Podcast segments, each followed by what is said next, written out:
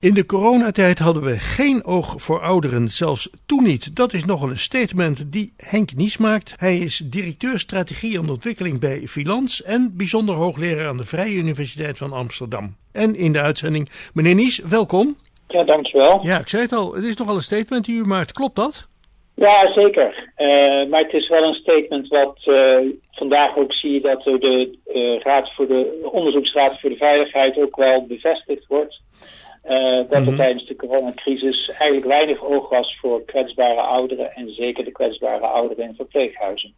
Ja, maar meer ouderen hadden daarmee te maken, denk ik. Want de mensen thuis konden ook geen bezoek ontvangen. Het moest allemaal via de balkons of via de ramen en zo. Dus uh, dat, is, uh, dat hebt u allemaal onderzocht ook nog? Of ja, dat, leeft u mee op het rapport van de OVV? Uh, nee, dat, dat, dat weten we omdat wij veel contacten hebben in, in het veld en in de praktijk. En in die periode hebben we ook vanuit de wijkverpleging heel veel signalen gehad dat dit een ingewikkeld vraagstuk was. En daar is ook overigens onderzoek op gedaan. En uh, van veel, dus de wijkverpleging en het verpleeghuis, dat zijn sectoren die over het hoofd zijn gezien, zeg maar. Dat kun je ook zeggen voor de gehandicaptenzorg. Maar daar waren in termen van uh, sterfgevallen de gevolgen wat minder dramatisch. Ja, ja, dat, uh, dat, dat geldt dan weer natuurlijk. Uh, wie geeft u dat advies? Wat gaat u ermee doen? Wij hebben vanuit Filans, de organisatie waarvoor ik werk, hebben wij in die tijd natuurlijk aan heel veel van die zorgorganisaties heel veel hulp geboden. En we hebben ook heel veel informatie aangeboden en er zijn zeg maar, op het hoogtepunt van de crisis hadden we iets van een miljoen bezoeken per maand uh, op onze websites. Mhm. Mm -hmm. Dus er was heel veel vraag vanuit die zorgorganisaties, vanuit die beroep, hè, die mensen die daar werken. Dus dat hebben wij vooral gedaan. Ja, wij zijn niet in de media geweest daarvoor, maar daar was dus ook niet de, de aandacht voor. Dat had misschien ook niet zo heel veel nut. Belangrijk was dat de mensen hun werk goed konden doen. En dat de hulpmiddelen goed uh, gedistribueerd Ja, werden. Dat, dat, dat er snel toch de middelen kwamen bij de mensen bij wie dat nodig was. Ja, precies. En nu dat rapport er ligt en met uw uh, aanbevelingen, dan uh, zou het, als het volgende keer weer moet gebeuren, zou het anders gaan, denkt u?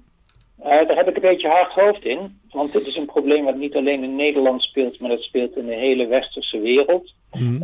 eigenlijk zie je overal dat ouderenzorg heel laag in de rangorde staat van de gezondheidszorg omdat mensen denken, ja, het is niet zo moeilijk allemaal. Die mensen gaan toch binnen niet al te lange tijd zullen ze overlijden.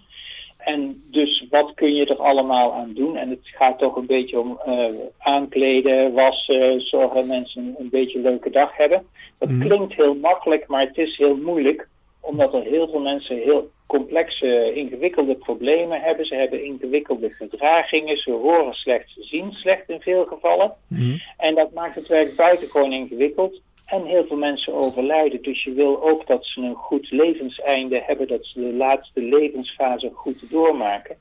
En dat is helemaal niet zo makkelijk. Maar het algemene beeld is dat dat eigenlijk, dat je daar niet zo hoog, hoog voor opgeleid hoeft te zijn. En dat dat vrij makkelijk werk is. Ja. En ook niet zo dankbaar werk. En Ja. dat is iets wat in veel, ja, wat ik zeg, in veel westerse landen zo is. Dus ik denk, ben bang dat dat ook niet zomaar verandert. Nee, u wel hebt, heel het, jammer. u hebt het zelf over de maatschap- maatschappelijke tunnelvisie die hardnekkig is. Dat bedoelt u daarmee Ja. dus? Ja, Ja. precies. Wij kijken een beetje weg van dit vraagstuk. We kijken een beetje weg van het probleem. Iedereen is er bang voor of is, wil, wil dat hij later goed, goede zorg krijgt. Maar Ja. zolang dat niet het geval is, is het iets van anderen en voor anderen. Ja. En kijken we liever naar de ziekenhuizen of naar de andere, ma hè, de maatschappelijke, ma ma andere maatschappelijke sectoren. Mhm. Dat staat wat meer in het volle leven. Maar dat dit een vraagstuk is waar je toch heel veel van ons vroeg of laat mee te maken krijgen, daar kijken we een beetje van weg. En Ja, het- ja. De tunnelvisie is vooral gericht, zeker in die coronatijd, op zijn de ziekenhuizen, kunnen die het aan? Ja, Maar de vraag, kan de thuiszorg gedaan, of kan de verpleeghuiszorg gedaan, of de gehandicaptenzorg, die wordt niet gesteld. Nee, en eh, blijft u op de trom roffelen als filans om dit eh, beter te laten eh, gebeuren dan? Ja, zeker, zeker. Maar we blijven vooral heel goed uh, naar de mensen kijken die daar werken, naar de Mhm. mensen die daar wonen, naar de mantelzorgers. Dat, dat he- heeft als eerste onze uh, aandacht. En uh, tot op heden lukt dat heel goed. Dus daar zijn we dan wel weer naar omstandigheden tevreden mee. Ja. Maar we zullen zeker aan de orde blijven stellen van dat we niet moeten vergeten hoe belangrijk dit werkveld is. En ook als je naar de toekomst kijkt, met de vergrijzing, ik vertel niks nieuws, nee. dan zal het vraagstuk alleen maar groter en belangrijker worden. En daar kunnen we ons als samenleving niet het, de kop voor in het zand steken. Dus we zullen zeker uh, hier aandacht voor blijven vragen. De oproep is duidelijk en u hebt er in ieder geval van alles aan gedaan om dat te laten klinken. Henk Nies, directeur van strategie en ontwikkeling bij Filans en bijzonder hoogleraar aan de Vrije Universiteit van Amsterdam. Dank voor het gesprek en heel veel succes met wat u allemaal moet doen.